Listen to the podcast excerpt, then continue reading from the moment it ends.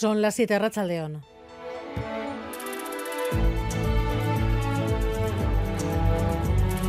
Gambara con Arancha García.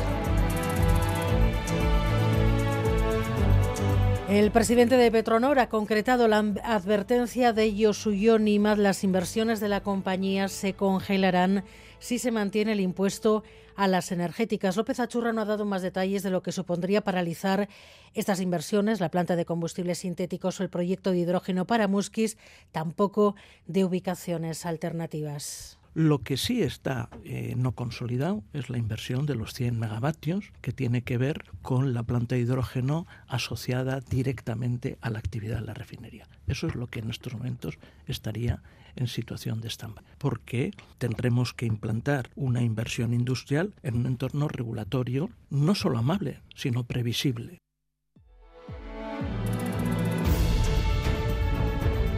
Quieren un entorno regulatorio impositivo previsible y amable y primera reacción al aviso de Petronor desde Comisiones Obreras. A mí me parece bastante obsceno. Yo creo que estas amenazas son amenazas en falso. Ninguna empresa va a desinvertir en España simple y llanamente porque se mantenga un impuesto que tiene una afectación muy limitada sobre sus beneficios y las empresas lo que tienen que hacer es contribuir al bien común. El aviso llega unos días después de confirmarse que Repsol, la matriz de Petronor, lleva ganadas 2.800 millones de euros este año a pesar del nuevo impuesto y puede que a una semana de la investidura de Pedro Sánchez que mantiene el impuesto extraordinario a la banca y a las energéticas en su programa de gobierno Consumar. Ya suena que la primera votación podría ser el 8 de noviembre y la foto que puede confirmar la investidura acaba de conocerse el número 2 del PSOE Santos Cerdán, junto a Carlas Puigdemont Nereas Arriegui.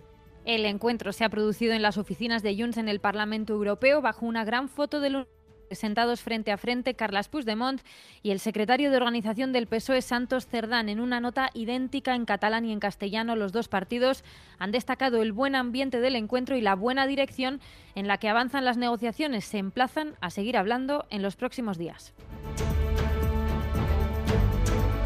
El avance terrestre de los tanques israelíes avanza en una situación cada vez más desesperada para la población civil de Gaza. 8.300 muertos es el último balance de víctimas tras una noche de intensísimos bombardeos. Bombardeos, según la ONU, también muy cerca de los hospitales en las últimas horas y con los tanques israelíes a punto de entrar en la capital. Enseguida abrimos línea con Miquel. Ahí estarán para conocer la última hora. Eso cuando la Comisión de Reconocimiento de las Víctimas de la Violencia de Estado ha reconocido a 66 víctimas de motivación política. Han admitido sentirse abrumados por la gravedad de los casos. Hablaron de introducirle por la vagina una botella manchada con sangre de una persona con el SIDA. Que hables Aquí han venido muchos valientes como tú, pero hasta aquí han llegado. Entre las víctimas reconocidas, Joshi Zavala, a las 8 hablamos aquí con su hermana. Y precisamente en cumplimiento de la Ley de Memoria Democrática, hoy en Madrid se ha reconocido a decenas de víctimas de la represión franquistas, entre ellas vascos, catalanes y gallegos, que fueron perseguidos por el uso de sus idiomas. Una de ellas fue el poeta bilbaíno Gabriel Aresti. nos ha hablado su vida. Gabriel tuvo hasta anónimos en el buzón, lo pasamos mal. Dos veces vino la Guardia Civil a, registrar la casa y uno de ellos, me acuerdo que cogió el libro Arrieta R, decía, ETA, es una anécdota, pero cuando fue a recoger el premio se lo dio Fra Verne. Y entonces le dijo, Aresti, pero usted con lo bien que escribe, ¿por qué no escribe usted en castellano? Le leería mucha más gente. Entonces Gabriel le contestó en aquellos años, que no sé cómo no se lo llevaron, dijo, cuando quiero que me lea más gente, escribir en chino.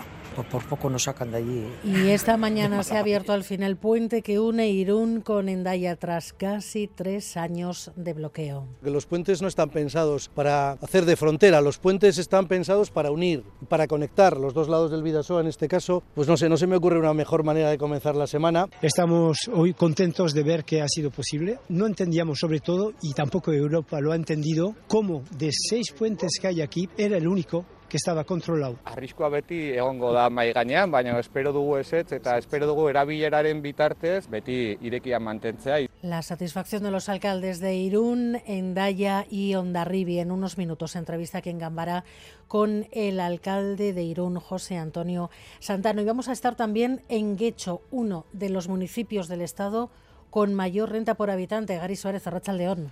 Arracha León, sí, estamos en Guecho donde ocurre algo curioso, al menos digno de mención, y es que siendo uno de los municipios más ricos de todo el estado, el noveno, según el último informe del Instituto Nacional de Estadística, nos encontramos ante distintas realidades a literalmente metros de distancia, porque dependiendo del barrio en el que preguntamos, ese alto poder adquisitivo que tiene este municipio se nota más o se nota menos. Escuchen, por ejemplo, estos testimonios recogidos en Las Arenas y en Romo, ambos barrios de Guecho.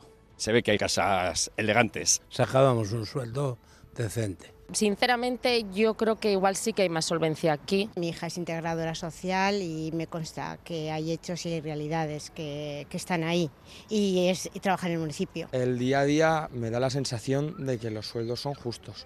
Bueno. Hay gente que no llega, Así se vive en Guecho, según el Instituto Nacional de Estadística, uno de los municipios con mayor renta per cápita de todo el Estado. En carreteras, problemas hasta ahora en la N634, en Galdacao, sentido Bilbao. Un accidente entre dos vehículos que todavía tienen que ser retirados. Podrían generarse algunas retenciones. Y los deportes, Edu García, Rachaldeón. ¿Qué tal, Rachaldeón? Con la noticia destacada de la jornada, aunque no por esperada, eh, la destitución de Joan Peñarroya como técnico del Basconia. Era un secreto a voces y solo faltaba que se hiciese oficial desde que ya la semana pasada el equipo viniese de encadenar una serie de resultados negativos hasta cinco derrotas consecutivas. Acumula ahora mismo Basconia, tres en la Euroliga y dos en la Liga CB. La última ayer en Andorra, en un muy mal partido, además con muy pocos jugadores disponibles para el equipo de Peñarroya. Ya es historia la etapa de Joan Peñarroya en Basconia y su relevo también está ya oficializado y estaba cantado. Dusko Ivanovic vuelve a Vitoria. Va a ser la cuarta etapa del técnico montenegrino al frente del conjunto Gasteiztarra. Será presentado en las próximas horas. Un Dusko Ivanovic que lo último que hizo en Basconia fue ganar la Liga CB en el año 2020 que nadie espere que pueda repetir victoria este año, ojalá sea así, pero en todo caso, en las próximas horas, Dusko Ivanovic va a ser presentado ya oficialmente como nuevo míster del Basconia.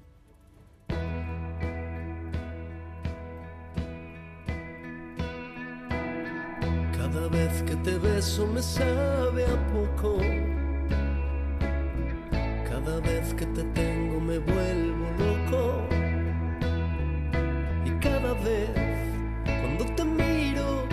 Vez encuentro una razón.